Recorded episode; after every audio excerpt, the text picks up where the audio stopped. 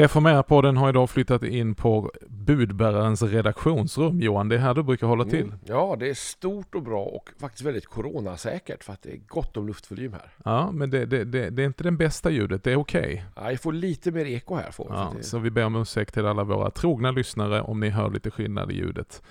Vi har också en eh, gäst som eh, många av er som har lyssnat tycker att vi, har, vi behöver ha tillbaka för att styra upp lite av mina och Johans lite skeva tankar. Lektorn i systematisk teologi från Johannelund, Thomas Nygren. Välkommen Thomas! Tack! Väldigt kul att ha dig tillbaka och eh, idag och eh, kanske något mer avsnitt så ska vi tala om skuldkultur och skamkultur. Vi är ju vi är bekanta begrepp som du borde skämmas, har du ingen skam i kroppen? Vi möter dagligen skandaler, skamliga tankar, synd, skuld, fruktan, rädsla, fördömelse, förkastelse och vi försöker söka bekräftelse och försöker få upprättelse.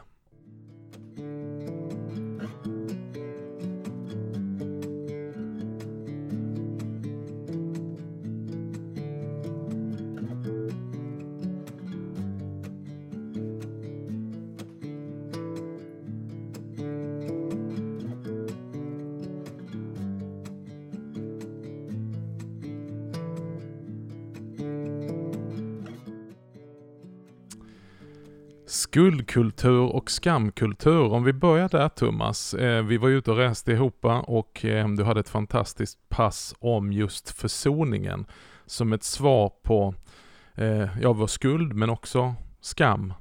Eh, Sverige och vår tid, ska vi säga hela västvärlden, har ju varit väldigt känd för att vara en typisk skuldkultur. Men det har hänt någonting i vårt samhälle som också eh, har introducerat, ska vi säga, ett nytt begrepp. Det är inte nytt per se, men skamkulturen. Börja reda ut det här lite grann för oss, Thomas. Alltså om vi tar historien från början så kan man säga att, att vi som mänsklighet verkar efter syndafallet ha egentligen haft en tendens att landa i skamkultur. Eh, så det är liksom basläget. Och det som blev fantastiskt när kristen tro slog igenom, det var att, att den här skamkulturen började brytas upp. Därför att när Jesus stod på korset så gjorde han det möjligt att skilja på sak och person. En skamkultur kan inte skilja på sak och person. Men en skuldkultur kan göra det. Och det var det som var så intressant tycker jag med hur kristendomen bredde ut sig och det blev, växte så småningom sakta men säkert fram en kultur som var kännetecknad av skuld. Och i en skuldkultur finns förlåtelse. Mm. Det finns en comeback-möjlighet. I en skamkultur är det mycket mer komplicerat. Därför att det är en kollektiv kultur, skuld, skamkulturen. Just det, så skuld kan sonas. Straff kan utdelas, skulden kan sonas och det finns en möjlighet till försoning och upprättelse. Är det så du menar? Ja, det, det är en enklare väg ja. i, i, en sån typ av kultur. Ja. Men då måste jag fråga, hur är vägen ut ur skammen i en skamkultur istället? Ja, alltså det, det finns ju olika typer av skamkulturer skulle jag säga. En, en, en traditionell klassisk sån som eh, och där, där handlar det ju, där är motsatsen till skam, ära. Mm. Och att, att få, eh, att, att, och när, när någon har eh, har gjort något fel och man har fått hela kulturens fördömande. Ja, men då, då finns det liksom en, en, väg tillbaka genom att man kan återupprätta äran på något sätt. Mm, och, mm. och det, det, det, kräver eh, ett, ett rejält offer. Så att, men, men, man får jobba hårt eh, mm. för det. I, I vår kultur så är motsatsen till skam eh, att man har bra självförtroende. Mm. Så, så att i vår kultur handlar det väldigt mycket för en människa som brottas med, med skam att tro, tror att botemedlet är att, att jag ska bygga upp ett gott självförtroende så att jag inte behöver skämmas för någonting utan jag ska bara göra mitt och inte bry mig om vad någon säger. Mm. Men, men eh, vi funkar inte riktigt så. Mm. Om vi går till roten av det här då, om vi, om vi börjar med, med, med skuld. Eh, det, det, det, är ju någonting som är verkligt, det är någonting som vi talar om ofta utifrån Bibelns undervisning, människans skuld. Eh, vad består den i? Och, och eh, ja, om vi börjar innan vi, vi talar om hur vi ska hantera skulden. Eh, vad är skulden? Vad gör skulden med oss? Hur påverkar den oss? Och vad är botemedlet mot skuld? Ja, skulden kommer ju när jag gör något Mm. eh, som är fel. Något som bryter mot det som är gott, rätt, rättfärdigt. Det kan handla om relationer, det kan handla om handlingar, det kan handla om, om saker också i och för sig. Men eh, gör en människa något som är fel så är det egentligen tre stycken typer av, av dilemman som uppkommer. En är att jag får dåligt samvete om jag inte är psykopat i alla fall. Mm. Eh, jag eh, har antagligen gjort något som har åsamkat någon annan förlust eller skada och den skulle behöva ersättas. Och sen en tredje sak, det är ju att, att eh, om vi tänker att Gud har skapat allting och är alltings ägare, rättmätige ägare och upphovsman, ja men då, då har vi faktiskt förbrutit oss mot Gud också. Mm. Vi har skuld inför Gud helt enkelt. Ja, och, eh, eh, och där, där finns en sak som inte är så lättåtkomlig för, för väldigt många människor idag. Men, men om man tänker sig att Gud är rättfärdig, helig, ja, då finns en Guds reaktion som måste på något sätt åtgärdas. Nämligen en helt rättmätig reaktion mot det onda som har skett. Ja, Gud måste döma, straffa. Ja, för annars skulle inte Gud vara rättfärdig och helig. Mm. Och vad är då evangeliets goda nyheter? Ja, evangelisk goda nyhet, det, är- det är att, att eh, Gud har själv valt att åtgärda alla de här tre dimensionerna Mm. genom att eh, när Jesus dör på korset och Bibeln beskriver vad leder det här till, så kan man säga att, att det leder till förlåtelse. Mm. Eh, det leder till att eh, det här som jag sitter fast i, det här som eh, tar makten över mig, åtgärdas, besegras och att, att Guds reaktion får en nedslagsplats. Som Gud tar själv smällen av sin egen reaktion. Mm. Så, så att eh, man kan säga att alla tre dimensioner åtgärdas egentligen genom Mm. det Jesus gör på korset. Vi ska fortsätta utveckla det alldeles strax om hur Gud hanterar både vår skuld, vår skam och det vi sitter fast i.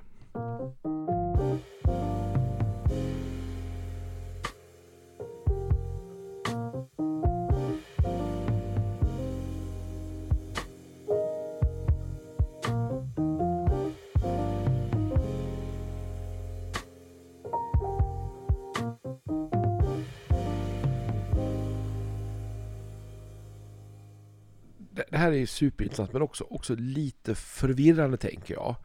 För jag- nu har vi ett tydligt gudsperspektiv i det här. Men jag tänker för att det finns också alltid, alltså om jag gör bort mig då, både i en skuld och skamkultur, så är det en person som jag ofta förbryter mig mot eller uppträder klandervärd mot, säger vi. Och där uppstår också skuldförhållande och jag måste ha med en parameter med tänker jag. Om Gud förlåter mig är det jättebra. Men, men då återstår egentligen personen också. Och egentligen då omgivningen. För jag tänker att det finns en tredje part i det här och det är samhället i stort, den omgivande befolkningen. Och när man ser på folk som då utlöser skuld i vårt samhälle, utlöser skam, så är det för att de offentligt blir avslöjade eller offentligt blir beskyllda för någonting. Du vill jag ska ta bollen nu Ja, och tänka högt. Ja, och för det här det är ett ytter för att, för jag tänker, vi pratar väldigt mycket om, om försoning och evangeliet och det är, det är klart, jag, jag förstår den parametern, men jag tänker det finns två parametrar till. Det är den personen som blivit utsatt eventuellt förbruten mot, men också då samhället i stort som ser det här. Mm. Och som då tänker framförallt i en skamkultur. Det är där skammen, om, om ingen vet vad du har gjort så blir det ju ingen skam. Det är först vid avslöjandet som skammen kommer. Och du blir skammad, heter det Ja. ju nu. Ja, och alla måste ta avstånd från dig och alla måste vända ryggen till dig. Och så ska du förväntas då hitta en väg tillbaka. Och, Kan man säga Thomas, att, eller förlåt. Ja, fortsätt. Kan man säga att vi helt plötsligt har fått någon sorts hederskultur? Eh, vi ska ta det inom situationstecken, men, men är det så att, att den kulturen har kommit här den senaste tiden ganska starkt? Ja, en variant av det, en, en slags eh, individualiserad variant av skam, hederskultur skulle man Mm. kunna säga att, att vi, vi har fått. Eh, jag tänkte jag måste reda ut en sak i, i förhållande till det du sa Johan. Alltså för eh, hur kan Gud ha med allt att göra?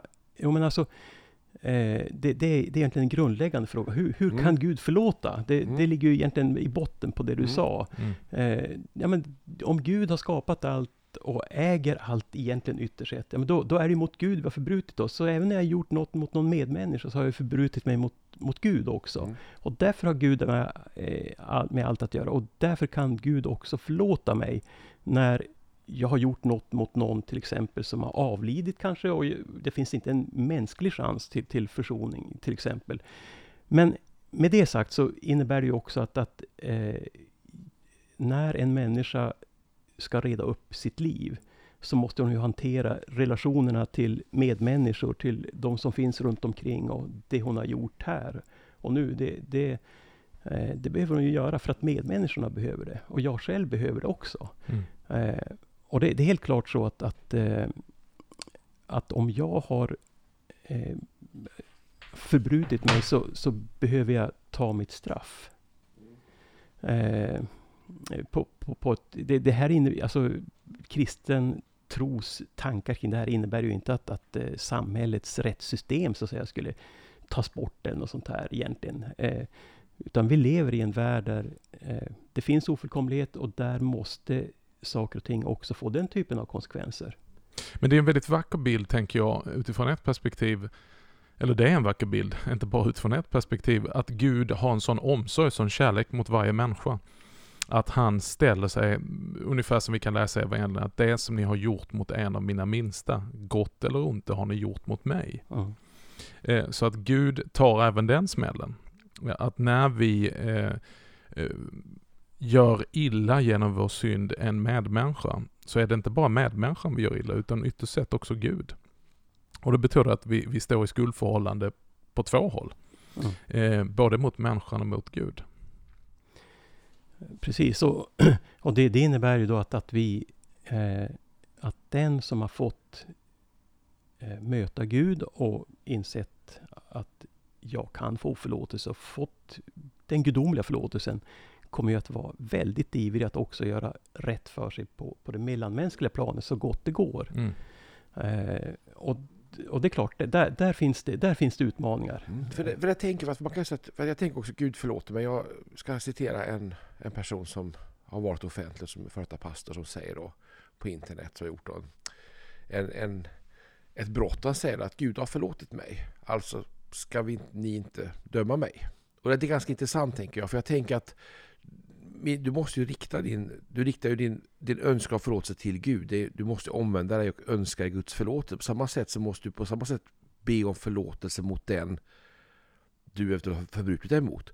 Och om det är en offentlig handling tänker jag att då måste du kanske också be offentligt om förlåtelse. För då är vi tillbaka till skulden och försoningen tänker jag och inte fast i skammen. Mm. Jo, nej, men precis som om vi tar den här skulddimensionen så, mm. så eh, om jag är ledare så är det ju inte säkert att jag kan fortsätta som ledare precis som om ingenting hade hänt om, om jag har brustit. Eh, jag måste åter vinna förtroende för ledarskap. Kapitalet där är ju egentligen förtroendekapital. Mm. Och har jag inte förtroendekapital kan jag inte fungera som ledare. Då, då, då, kan jag möjligtvis fungera som diktator, men jag kan inte fungera mm. som mm. ledare. Och, eh, och därför så eh, har ju kyrkan i sin historia tillämpat det man kallar för kyrkotukt. Mm. Eh, det vill säga att, att eh, kyrkotukten har inte haft med, med förlåtelsen i sig att göra egentligen, för den har Gud stått för. Men det har haft med, med just det här att, att eh, jag behöver visa att jag är förtroendevärd och kan gå in i mina gamla funktioner. Mm. Eh, och det, det, det, har, det, det är bra för mig att kunna få visa att jag är förtroendevärd. Det är liksom en comeback-möjlighet på det sättet. Och det, det, är bra för mina medmänniskor som, som får se att ja, men här är, han vill verkligen göra en ny start. Och nu visar han det genom att han får kämpa på med det här på det här sättet. Så man skiljer på förlåtelse är en sak, förtroende är någonting annat, men vi är beroende av båda? Ja, som, som kristna ledare till exempel, så är vi förtroende av båda. Och det, det är ju likadant i, menar, låt oss ta ett äktenskap. Om den ena parten har gjort den andra illa på något sätt, så Eh, så en sak är att förlåta, men det andra är att man måste bygga upp ett förtroende igen för att, att relationen så att säga ska riktigt kunna rulla på ordentligt på nytt. Jag tycker det är ganska självklara saker vi pratar om på ett sätt. Men är det så att när vi rör oss från en skuld till en skamkultur så blir också de här begreppen otydligare? Ja, precis. För att vi, vi, har, vi har ju den här utmaningen kring, kring hur eh, skamkulturen, som man skulle kunna kalla det. Alltså vi har en kollektiv skamkultur i sociala medier, där drevet går och där finns ingen nåd. Så är jag fel då, ute, då är jag fel och ute och det finns ingen väg tillbaka. Ja, kanske om jag går under jorden sju år och sen dyker upp, då, då kanske jag kan vara lite intressant igen eller något sånt där. Men eh, där, där, finns ju ingen, ingen nåd. Så det, eh, och, och där, där, Eh, där är jag inte säker på heller hur, hur det hjälper att göra en pudel. Eh, det, det, en pudel kan förlöjligas då ganska snabbt också, så blir ytterligare någonting som man, man sparkar på. Så, så det, det, är väldigt... Eh...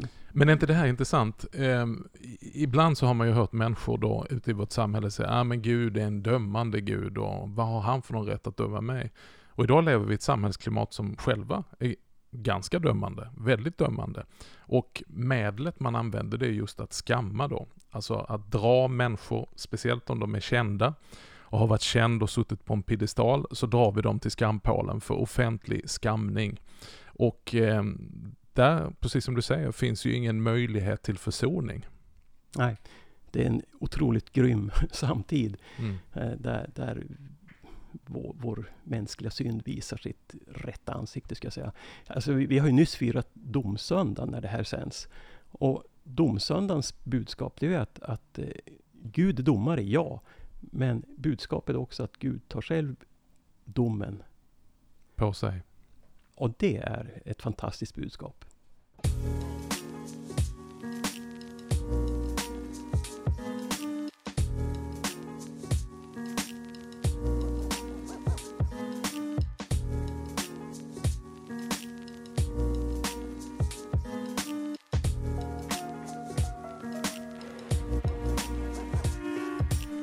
Två begrepp som vi kanske lite skulle kunna väva in här som man ofta hör talas om i, i, i vår tid. Det är skillnaden mellan självförtroende och självkänsla.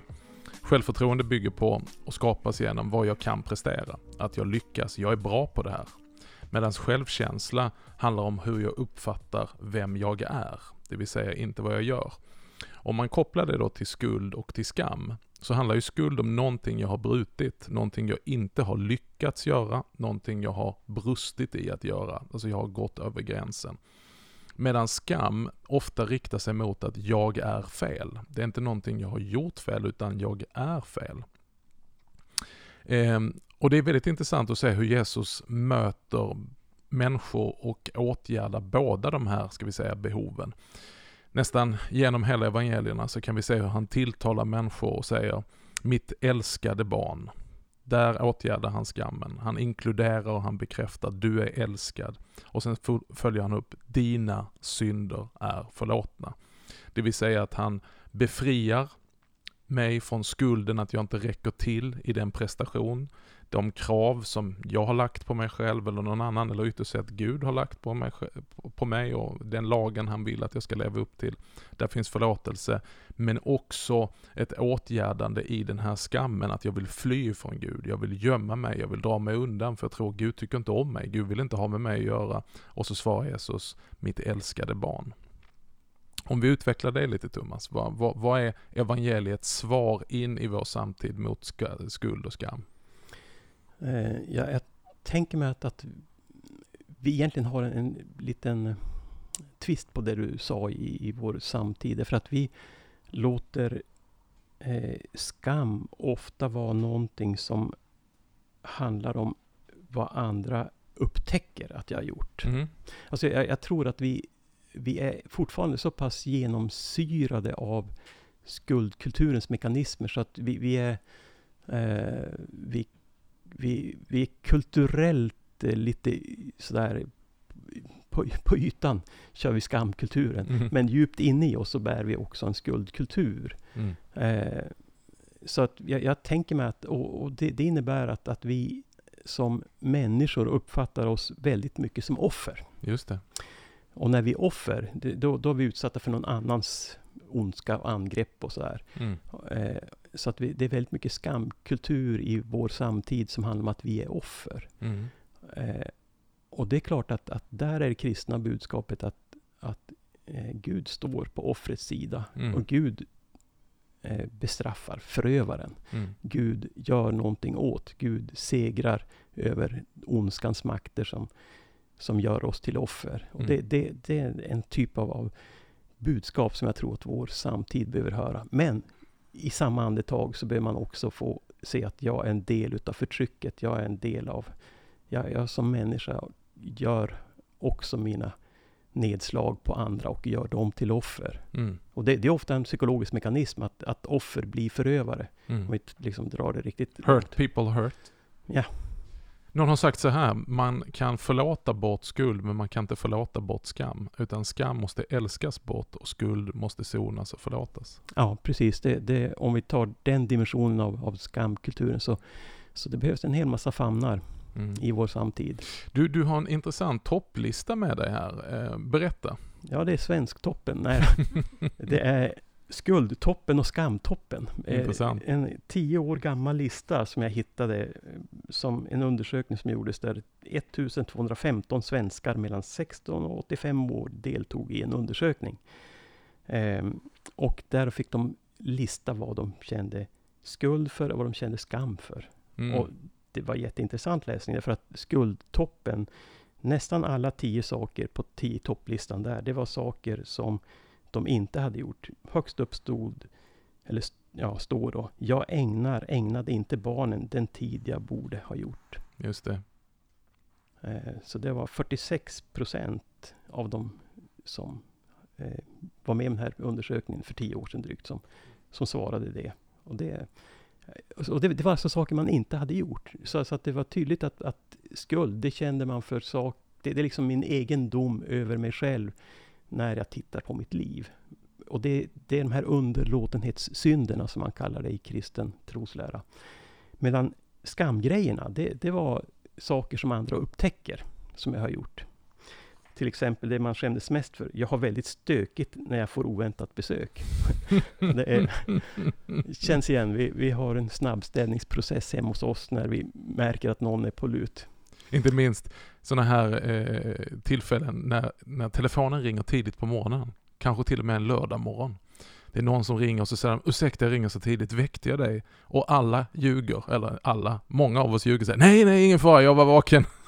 Avslöjad av en röst som inte har sagt något tidigare på hela morgonen. Exakt. Du, vad, vad, vad, vad, vad gör du för någon analys från den här skuldtoppen och skamtoppen? Ja, men jag tänker att det, det är egentligen ett indicium på, på just den här, vad ska man kalla kulturell, att, eh, att vi, vi, vi har en, en slags etisk omognad skulle jag säga.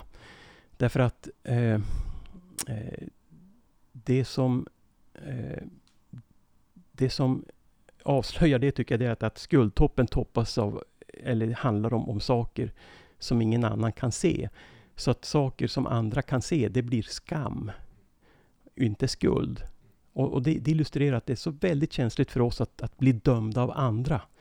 Eh, och och det, det, det, det är ju det som gör att, att vi har en, en, eh, en tendens att hela tiden trilla över i någon slags skamkultur. Och det tror jag handlar om eh, om att det kristna budskapet om försoningen som gör det möjligt att skilja på sak och person har kommit så långt, den berättelsen har kommit så långt bort så att människor har inte den med sig och då återstår bara skammen, kulturens mekanismer.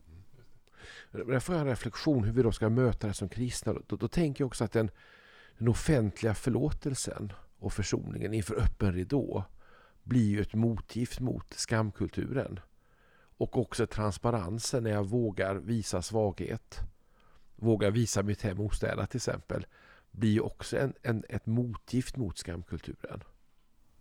Ja, alltså försonade människor som lever försonat eh, och kan både erkänna ostädade hem, säga att du väckte mig på morgonen när du ringde.